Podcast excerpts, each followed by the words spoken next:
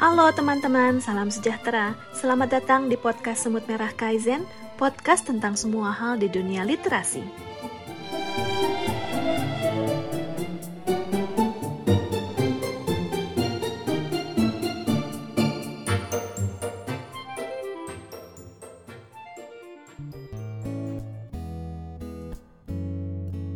Hai gula-gula, saya Semut Gar yang akan mengulas buku di podcast Semut Merah Kaizen pada bulan Oktober ini.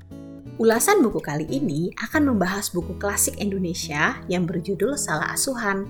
Cuplikan buku Salah Asuhan ini sering kali tampil di berbagai kertas soal ujian sewaktu saya SMP atau SMA. Karena buku ini adalah salah satu buku bacaan wajib saat belajar bahasa Indonesia di waktu itu Klub buku Semut Merah Kaizen di bulan Agustus lalu juga membahas buku yang sama nih guys.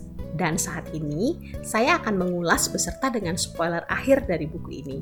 Bagi gula-gula yang belum baca dan gak pengen dengerin spoilernya, bisa berhenti di sini ya.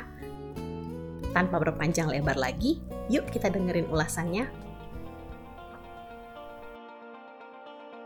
Salah Asuhan adalah novel karya Abdul Muiz seorang sastrawan sekaligus pahlawan nasional dari Sumatera Barat.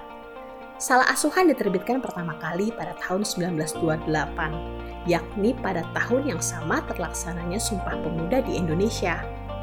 Hingga tahun 2008, Salah Asuhan telah diterbitkan sebanyak 36 kali loh guys. Penerbitnya yang pasti dan terutama yakni Balai Pustaka.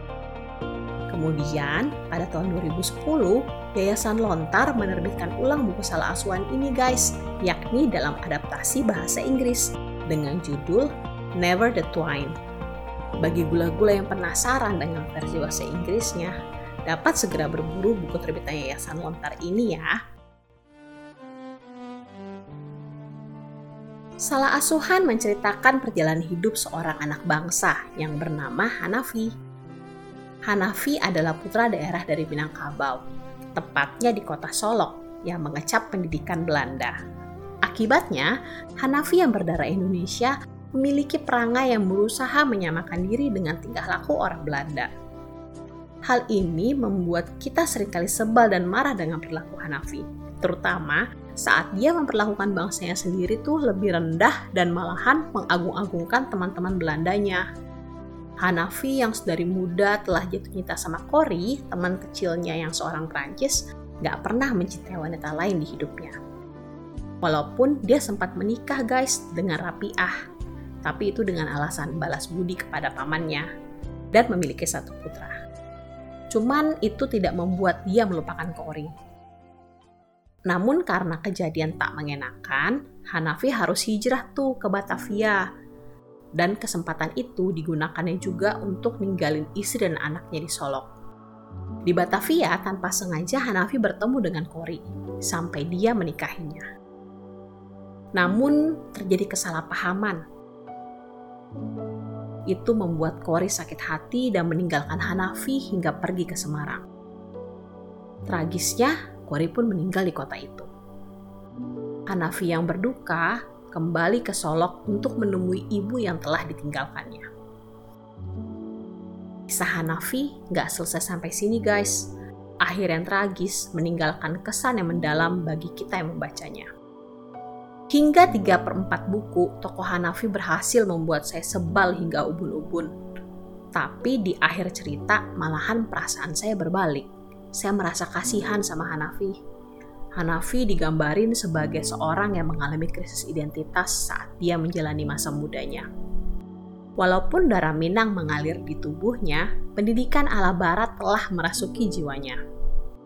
Demi menjadi seorang Barat, Hanafi rela melepaskan gelarnya yang ada di daerahnya itu dan meninggalkan ibu serta istri dan anaknya. Perilaku Hanafi membuatnya tidak disukai oleh teman sebangsanya. Wajar ya guys, namun di lain pihak, ternyata orang Belanda pun tidak bisa menerimanya. Hal ini tetap membuat Hanafi menutup mata. Dia terus bertingkah langku ke barat-baratan dan memandang rekan sebangsanya dengan sebelah mata. Kesalahan itu membuat dia harus menelan pil pahit sepanjang akhir masa hidupnya. Walaupun dia berusaha kembali kepada keluarganya, lukanya terlalu dalam.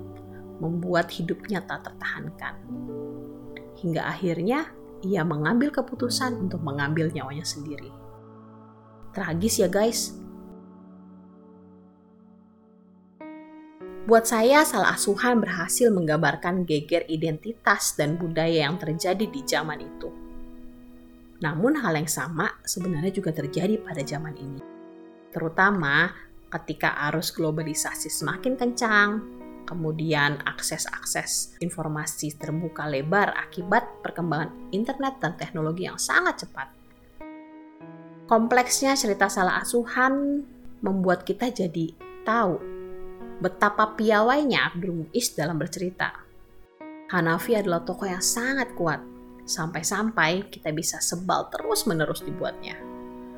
Beberapa teman yang juga membaca salah asuhan melebelinya dengan novel dengan alur ala sinetron yang biasa kita lihat di TV-TV nasional. Akan tetapi, kalau buat saya, novel dengan plot dan penokohan seperti ini pada tahun 1928 adalah hal yang luar biasa. Abdul Muiz tampak ingin terus menggaungkan pesan untuk tidak melupakan identitas kita sebagai bangsa Indonesia untuk terus memelihara nilai-nilai keindonesiaan di dalam tingkah laku kita. Pengaruh dari barat atau negara belahan bumi lainnya akan terus masuk ya guys, dan berusaha mengkonversi kebiasaan kita. Dan novel ini malahan membuat saya kembali berefleksi. Apa sih yang dimaksud dengan nilai-nilai keindonesiaan? Apakah kita sudah bertingkah laku seperti layaknya orang Indonesia? Atau apakah menjadi Indonesia itu sekedar melakukan gotong royong? Atau kata-kata gemah ripah loh jinawi yang sering jadi slogan di spanduk-spanduk di jalanan?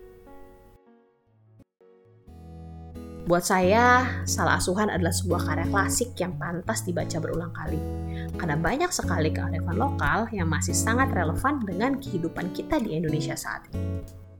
Angkat topi bagi Pak Abdul Muiz, Sebenarnya ya guys, masih banyak loh sastrawan-sastrawan Indonesia lainnya yang menghasilkan karya fiksi klasik yang tak kalah menariknya.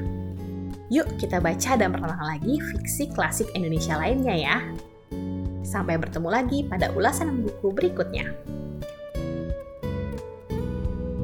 Demikian podcast Semut Merah Kaizen episode kali ini. Sampai jumpa di episode berikutnya, karena semua orang bisa menulis dan semua penulis butuh komunitas. Salam literasi.